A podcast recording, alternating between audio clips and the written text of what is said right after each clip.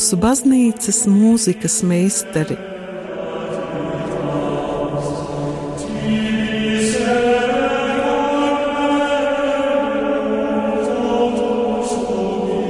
Studijā Dace Treimane.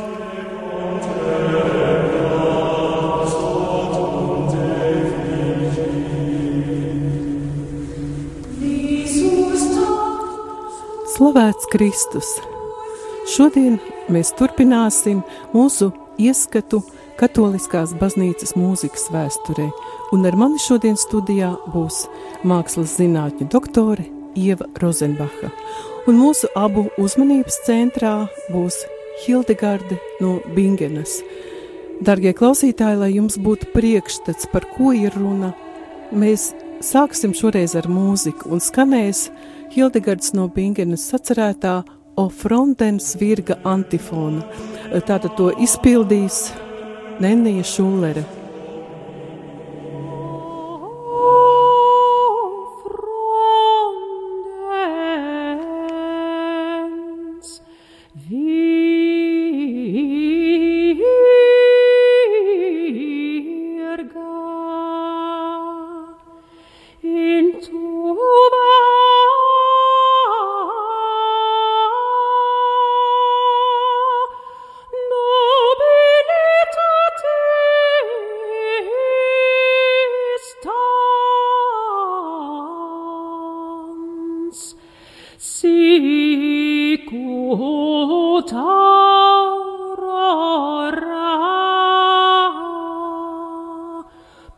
J D.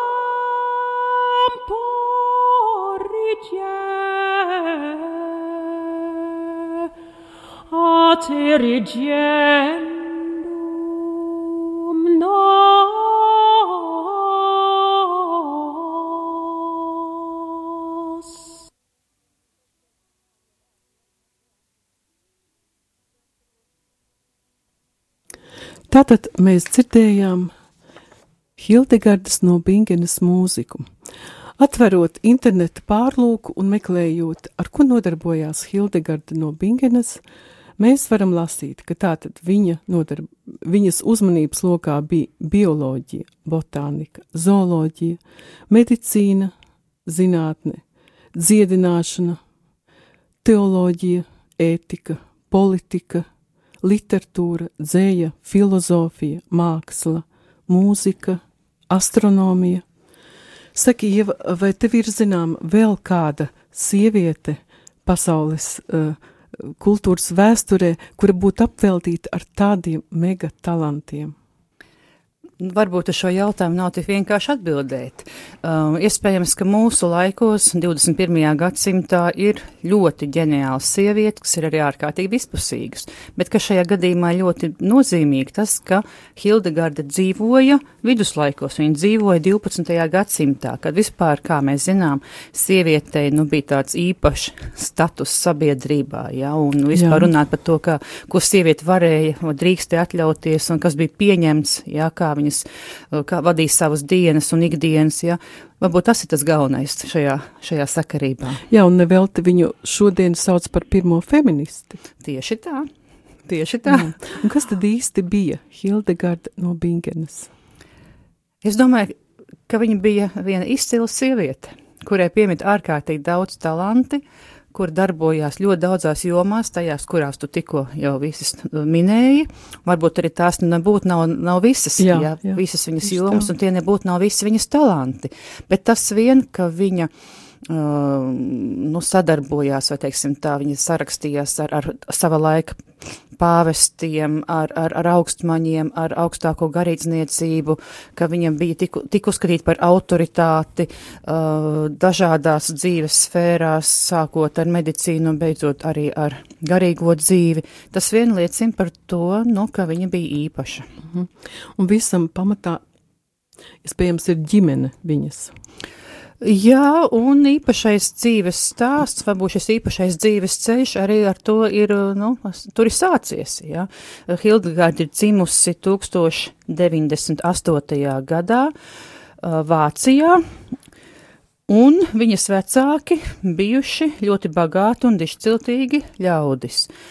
Bet viņa ir bijusi desmitais bērns ģimenē, Un tas jau ir noteicis būtībā viņas dzīves ceļu, jo saskaņā ar senajām tradīcijām tas, ko mēs saucam par desmito tiesu baznīcā, mm -hmm. viduslaikos ļoti bieži tika uztverts arī burtiski, līdz ar to viņi jau tika novēlēti klosterim ļoti agrā, agrā uh, vecumā, un ir dažādas ziņas par tiem gadskaitļiem, bet nu vien, viens no tādiem uzticamiem avotiem liecina, ka jau no astoņu gadu vecuma viņa dzīvojusi um, klosterī, un uh, 14 gadu vecumā ir kļūst jau pa klosteru māsu. Mhm. Tā, protams, bija lieliski iespēja tā laikā, tā laika sievietēm gūt izglītību.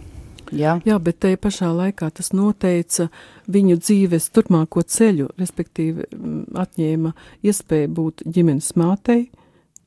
Un, protams, protams, jā. jā. Teiksim, viena no šīm divām iespējām, kas tajā laikā reāli arī sievietēm bija. Mājasemniecība. Un... Jā, vai dzīvu klosterī un tātad izglītības ceļš arī. Jā.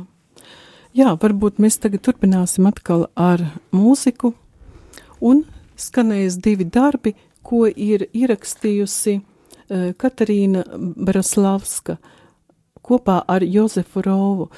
Tātad uh, skanēs Hildegards no Bingenas Kirie Eleison un Ordo Virtutum.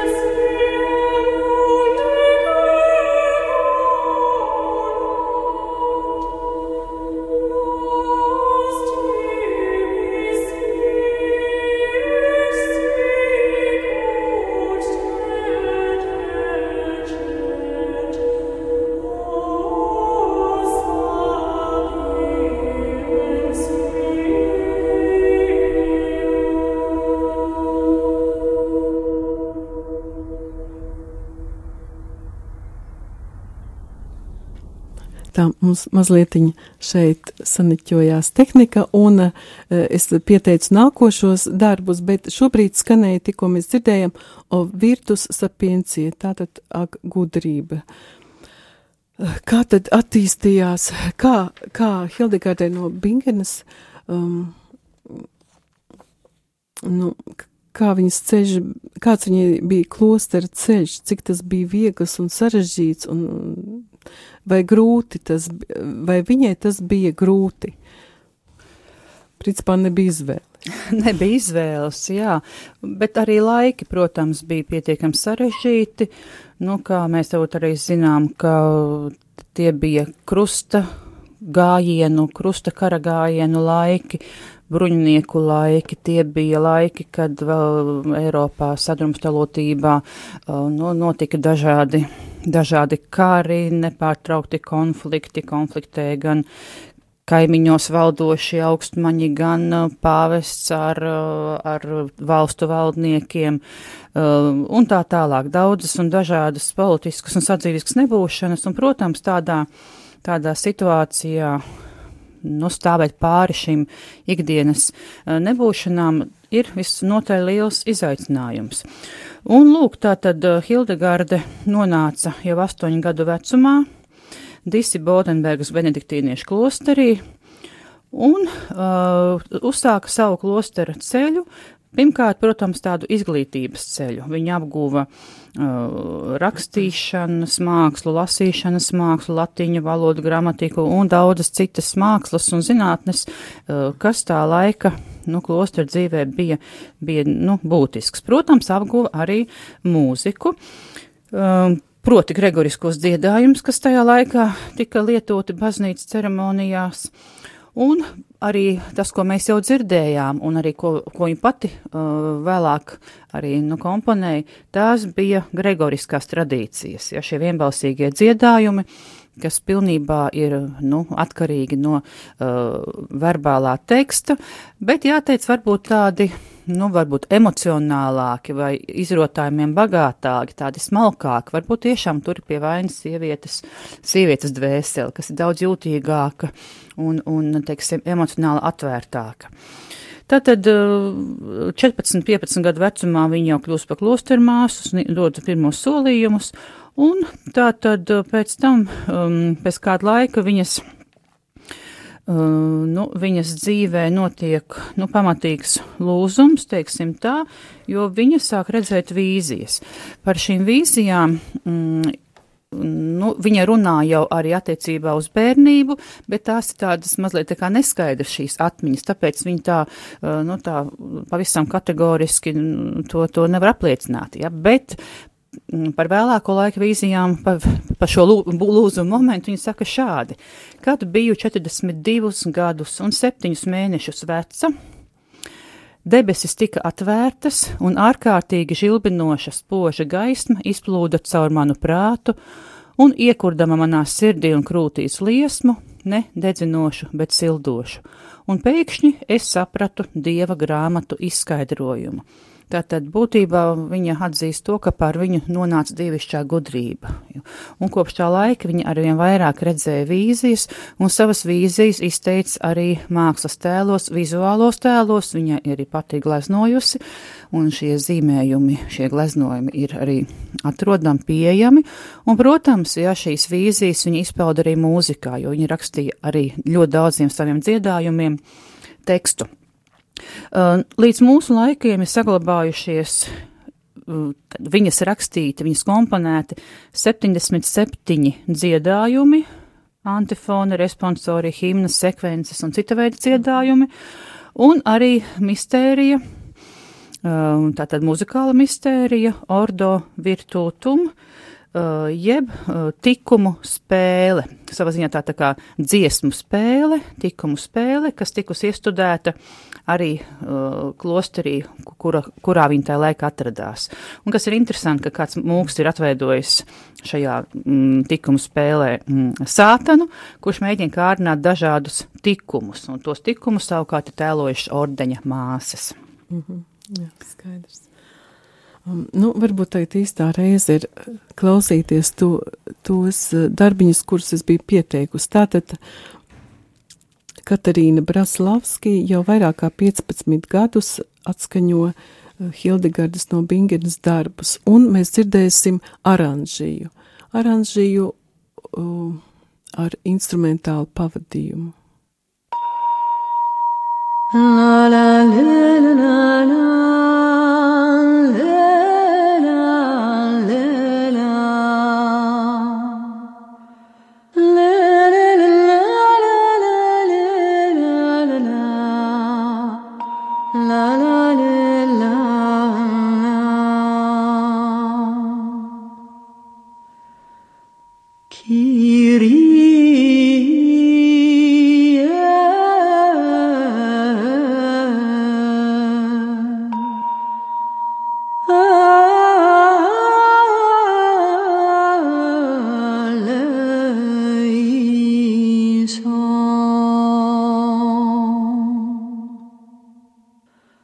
Christus.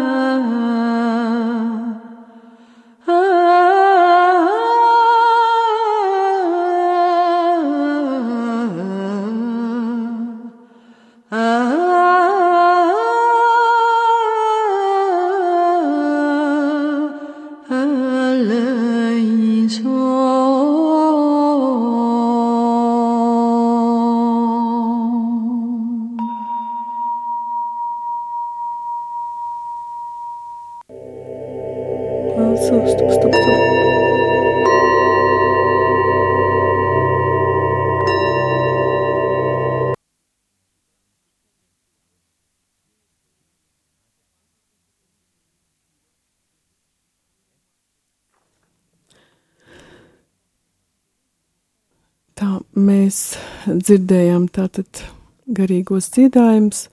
Viens no tiem, kurš, diemžēl, aprāvās, ir Ordo Virtutu. Ja, vai tu vari kaut ko pateikt par šo dziedājumu?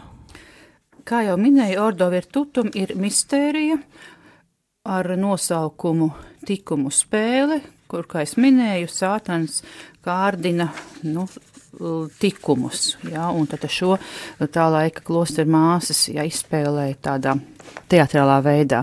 Ko es varu pateikt? Ja, tad, tad muzikālajā ziņā tas viss balstīts uz gregoriskā uh, uz gregorisko stilistiku, bet kas ir interesanti, interesanti, ka tiešām notiek darbība lomās, ja, un dažādie dziedājumi paredzēti it kā dažādiem personāžiem.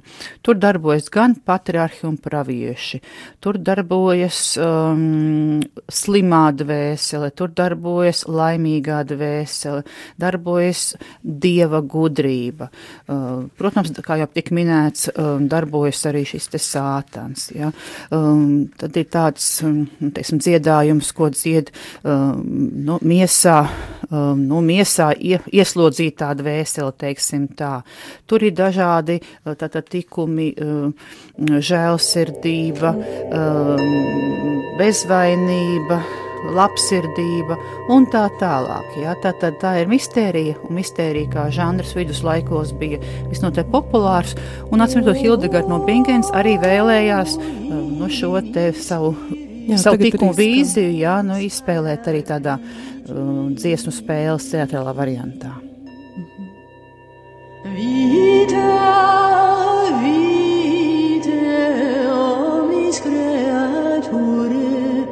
Sound tus es nos forma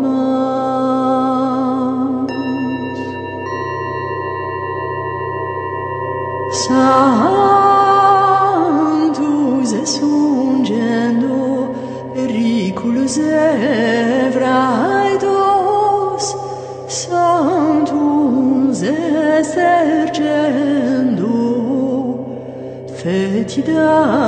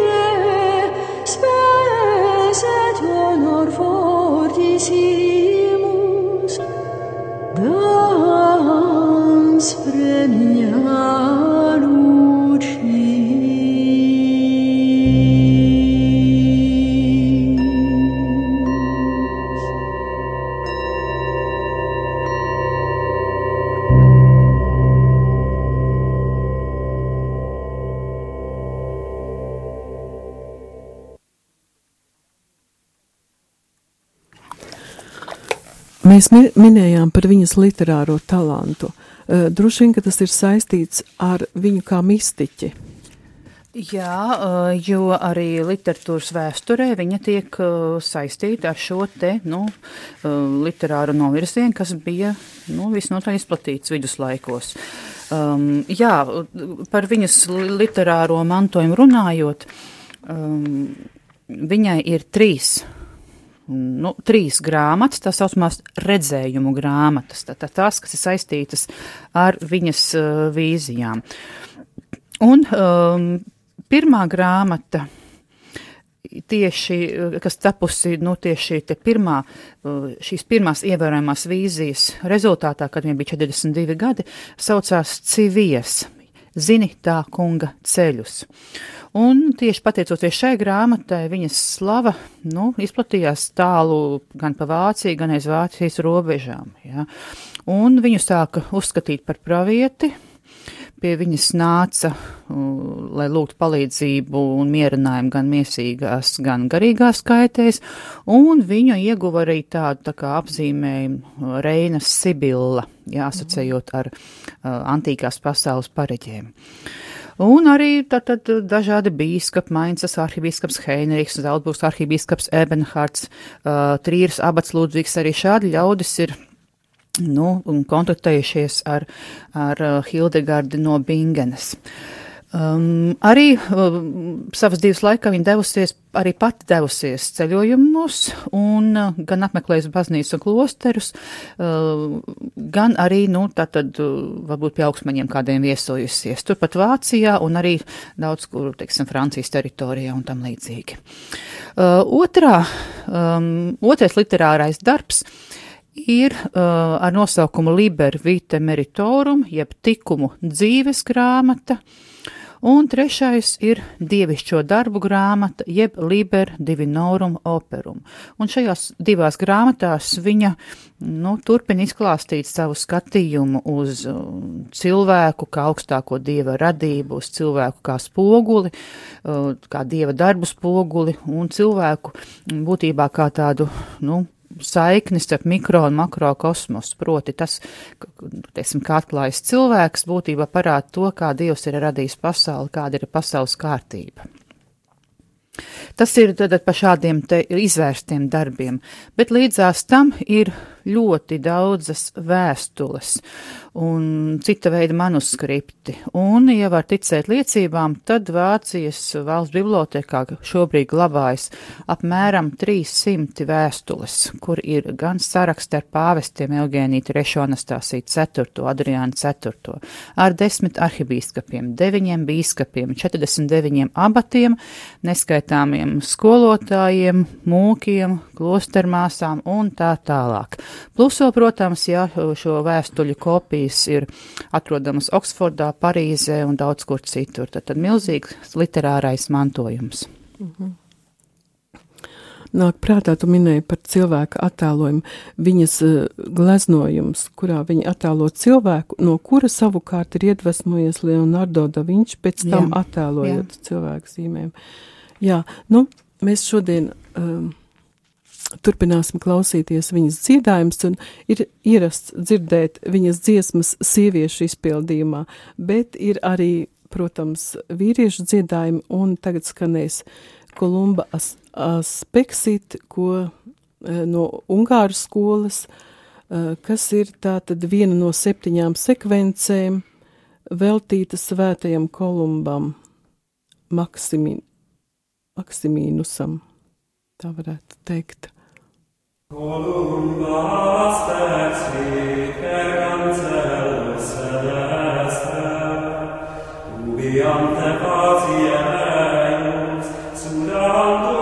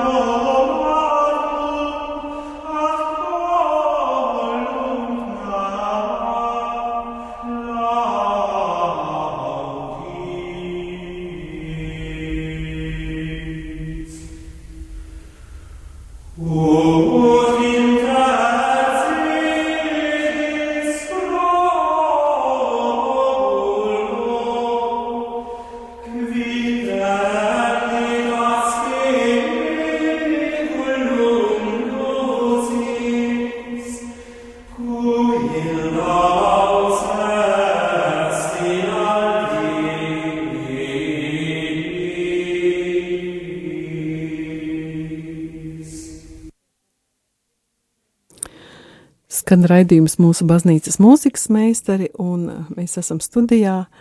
Es Dāca Dreimane un mākslas zinātņu doktore Ieva Rozenbaka. Tātad mēs klausāmies Hildegardas no Bingenas mūziku, kas tiešām ļoti atgādina gregoriskos dziedājumus. Saka, Ieva, vai arī pieraksts, tas, kā viņi pierakstīja savu mūziku, atšķirās no uh, gregorisko dziedājumu pieraksta? Uh, Nē, tas ir tas pats nēmu raksts, ja, kā tiek pierakstīti gregoriskie dziedājumi. Uh, tātad uz to brīdi, kad darbojas uh, Hildegarda no Bingenes, tātad uh, 12. gadsimts, gregoriskie dziedājumi pastāv jau apmēram tūkstoši, vairāk kā tūkstoši gadus, ja, mm un kā jau mēs noskaidrojam iepriekšējās reizēs, ka gregoriskie dziedājumi uh, tiek saukti pāvest Gregora vārdā, tāpēc, ka pāvest Gregora uh, laikā uh, tie tika, nu, apkopoti, uh, sistematizēti, ja, bet pieraksti izveidojās un pamazām laika gaitā, Un apmēram uz 8. un 9. gadsimtu, ja no tā perioda ir nu, sastopamas šīs te rakstu zīmes, tā saucamās neimas. Un arī Hildegardas dziedājumi tieši tādā pašā neimu rakstā arī tiek rakstīti. Uh, protams, vēlāk arī tika pierakstīti tā saucamā korāļa notācija jau uz nošu līnijām, ja, bet Uh, jā, tad, tad tur nav nekādas atšķirības, un arī stilistiski, un tas, kā, kā veidojas melodijas un teksta attiecības, tas, tas ir Gregorikas tradīcijas. Uh, Varbūt intereses, tādas interesantas un ievērības cienīgas ir hm, Hildegardas pašas domas par mūziku, ko viņa pati saka. Viņa ir uzskatījusi mūziku par iespēju atgriezties pie paradīzes patiesā prieka un daļuma. Uh, jo uh, mūzika, viņa, viņa, uh, mūzika viņas prāt atspoguļo kosmisko harmoniju, uh, ko Dievs ir radījis, šo te kārtību, kas pasaulē ir redzama un kam būtu jāskan arī caur mūzikas skaņām. Pēc viņas domām Tas ļoti interesants salīdzinājums. Pirms grēkā krišanas Ādamam esot bijusi ļoti skaista balss, un viņš nereti pievienojies eņģeļu korim, slavinot Dievu. Toties pēc grēkā krišanas, laikam šīs balss kvalitātes ir zudušas, un tāpēc tika uh, radīta mūzika un mūzikas instrumenti, jā, lai it kā kompensētu šo te skaistās balss zudumu. Uh, nu, kādreiz arī mēdz teikt tā, ka Hildegārs paša dziedājumi ļoti atgādina eņģeļu balsu skanējumu. Jā, par to mēs arī tagad pārliecināsimies, klausoties uh, Benediktīņu māsas, uh, kas dziedās Hildegards no Bingenes dziedājumu Omaga de Pāter. Tātad um, abatī, svētās Hildegardas abatija atrodas Aibingenā, kur arī bija kalpojusi, vai ne? Uh, jā, kur viņa bija kalpojusi un kur arī tika, um, kur, viņa, kur viņa arī vadīja kādu laiku, viņa bija abate. Uh mhm. -huh.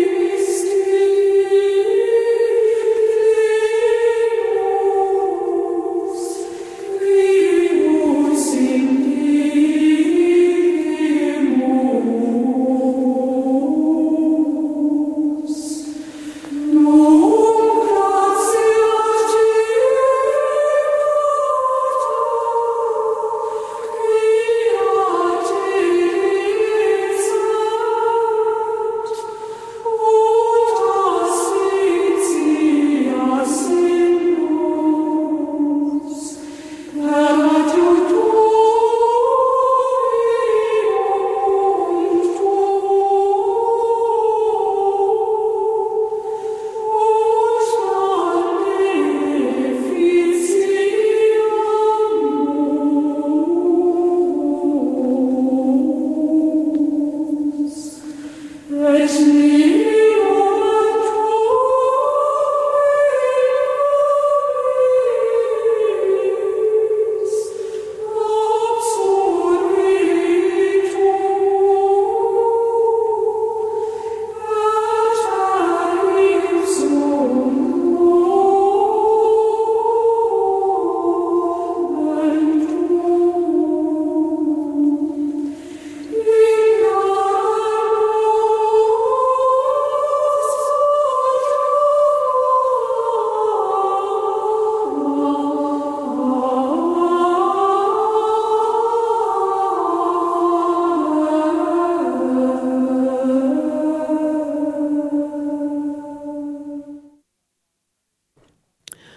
Pēdējā laikā pasaulē daudz viet tiek runāts par Hildegardas eh, bumu, un tas arī mm, dzirdams ir Latvijā, jo ir mm, viņas mūzika ļoti bieži skan, un arī pat ir, um, li, um, ir darbi, kas veltīti viņai.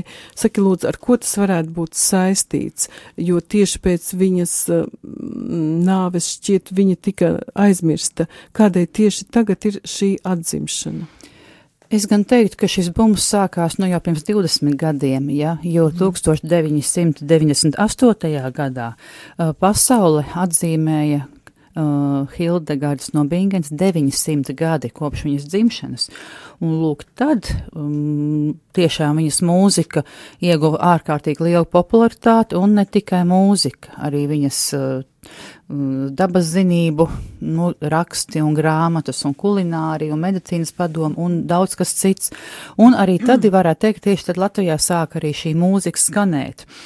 Un man pašai bija tā, tas gods un tā laime piedalīties programmā mm, 1999. gadā senajā mūzikas festivālā, kur kopā ar Skola Kantorum Rīga mēs tieši dziedājām Hildegards no Bingenes programmu.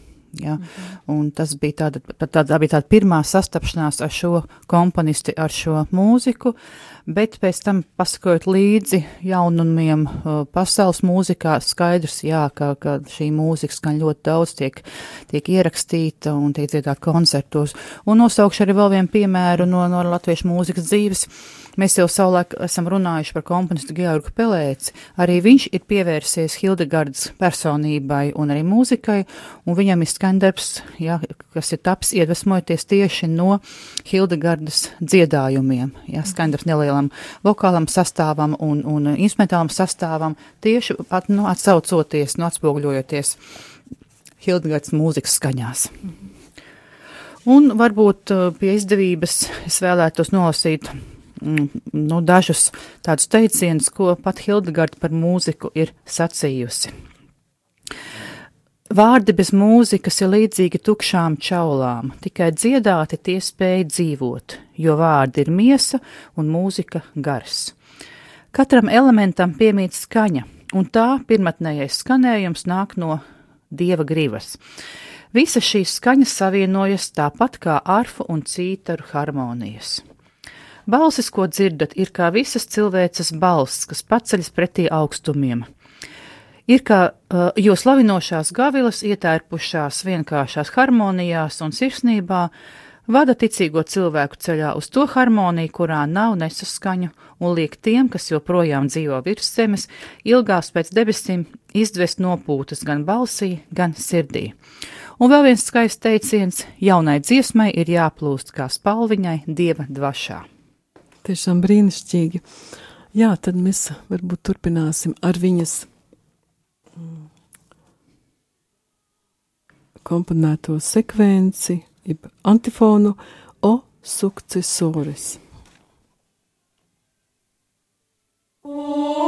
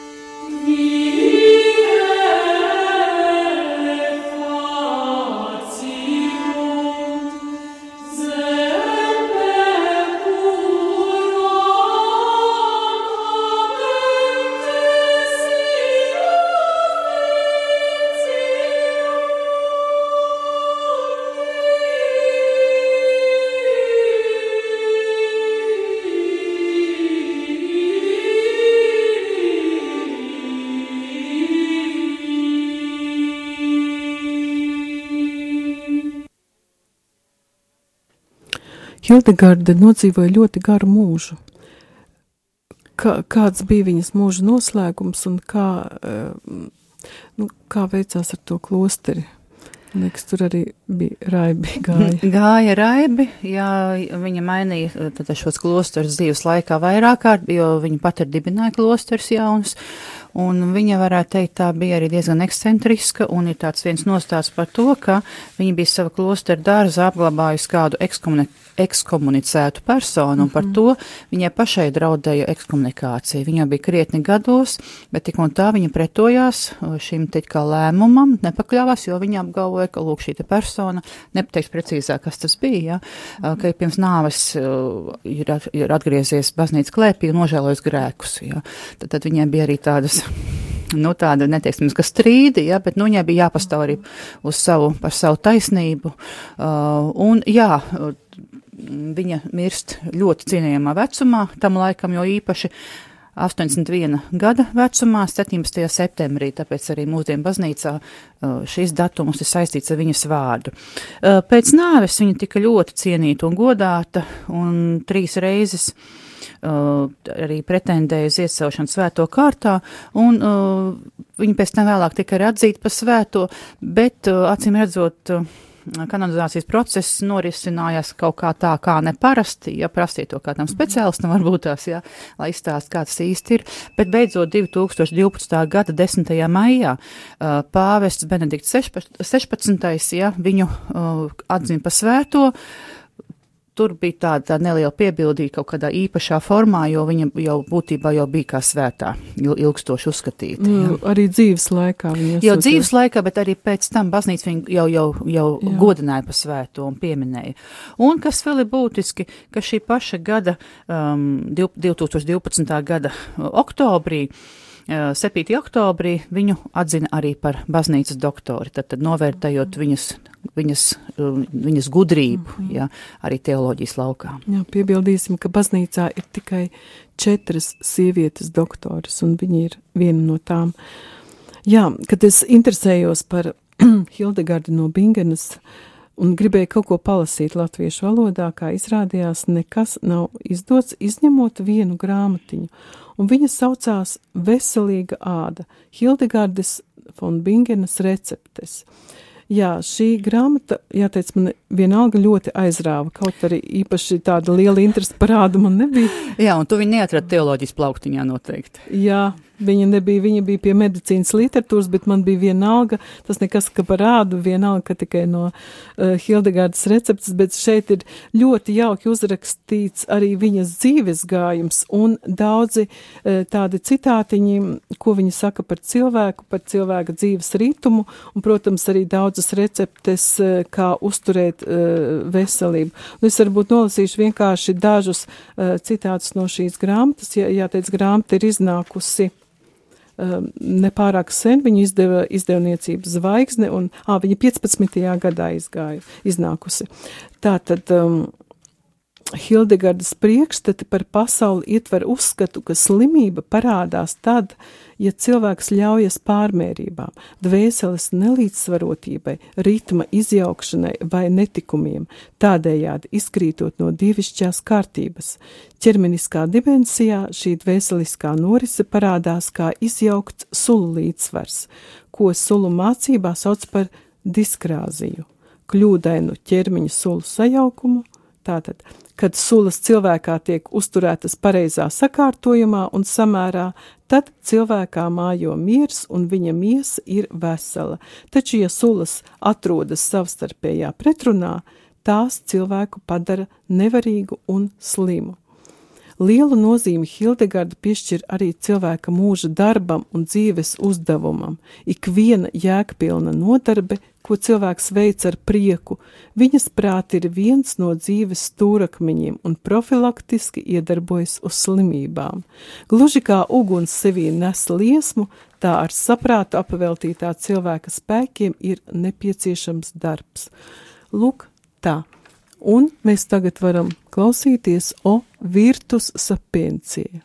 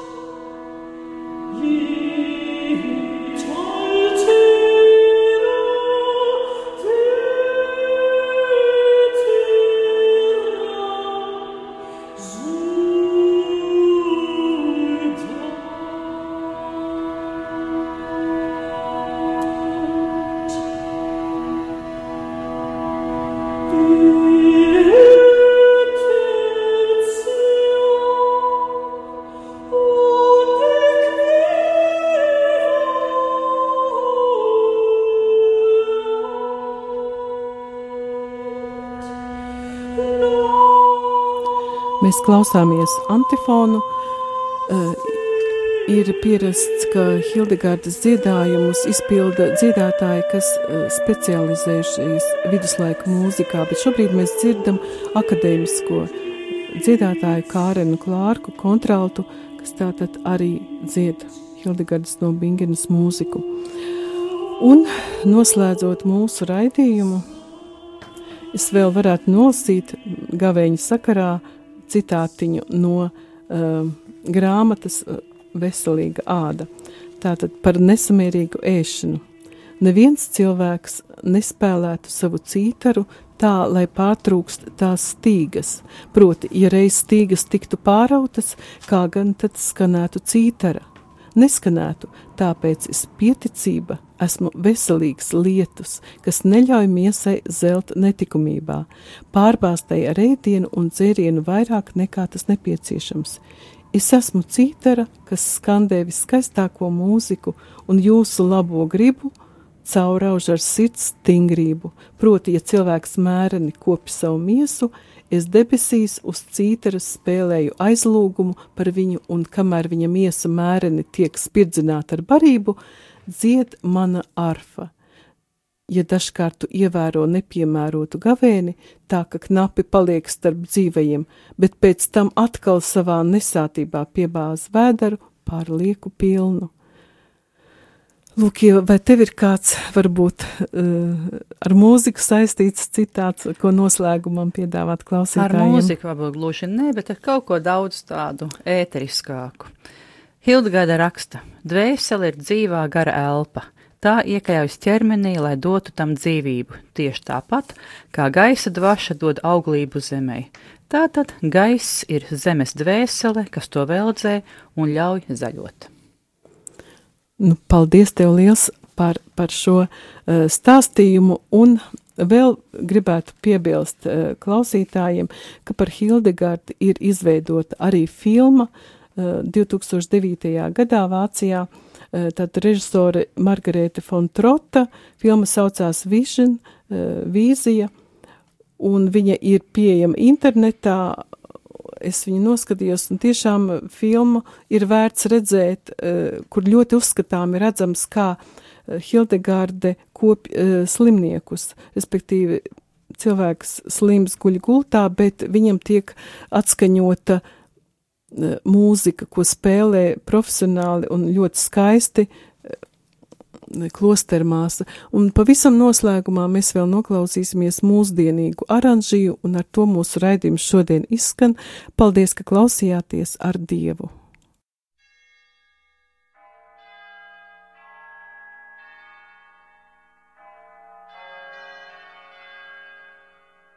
Anna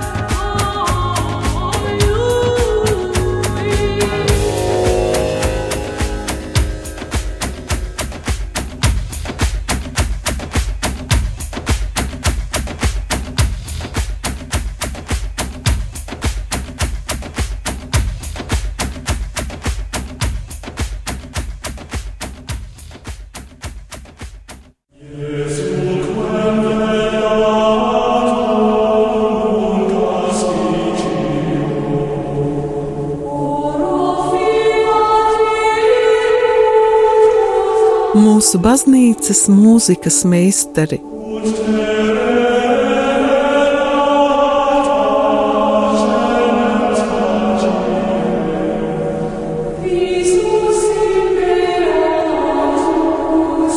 Studijā Dace Dreimane.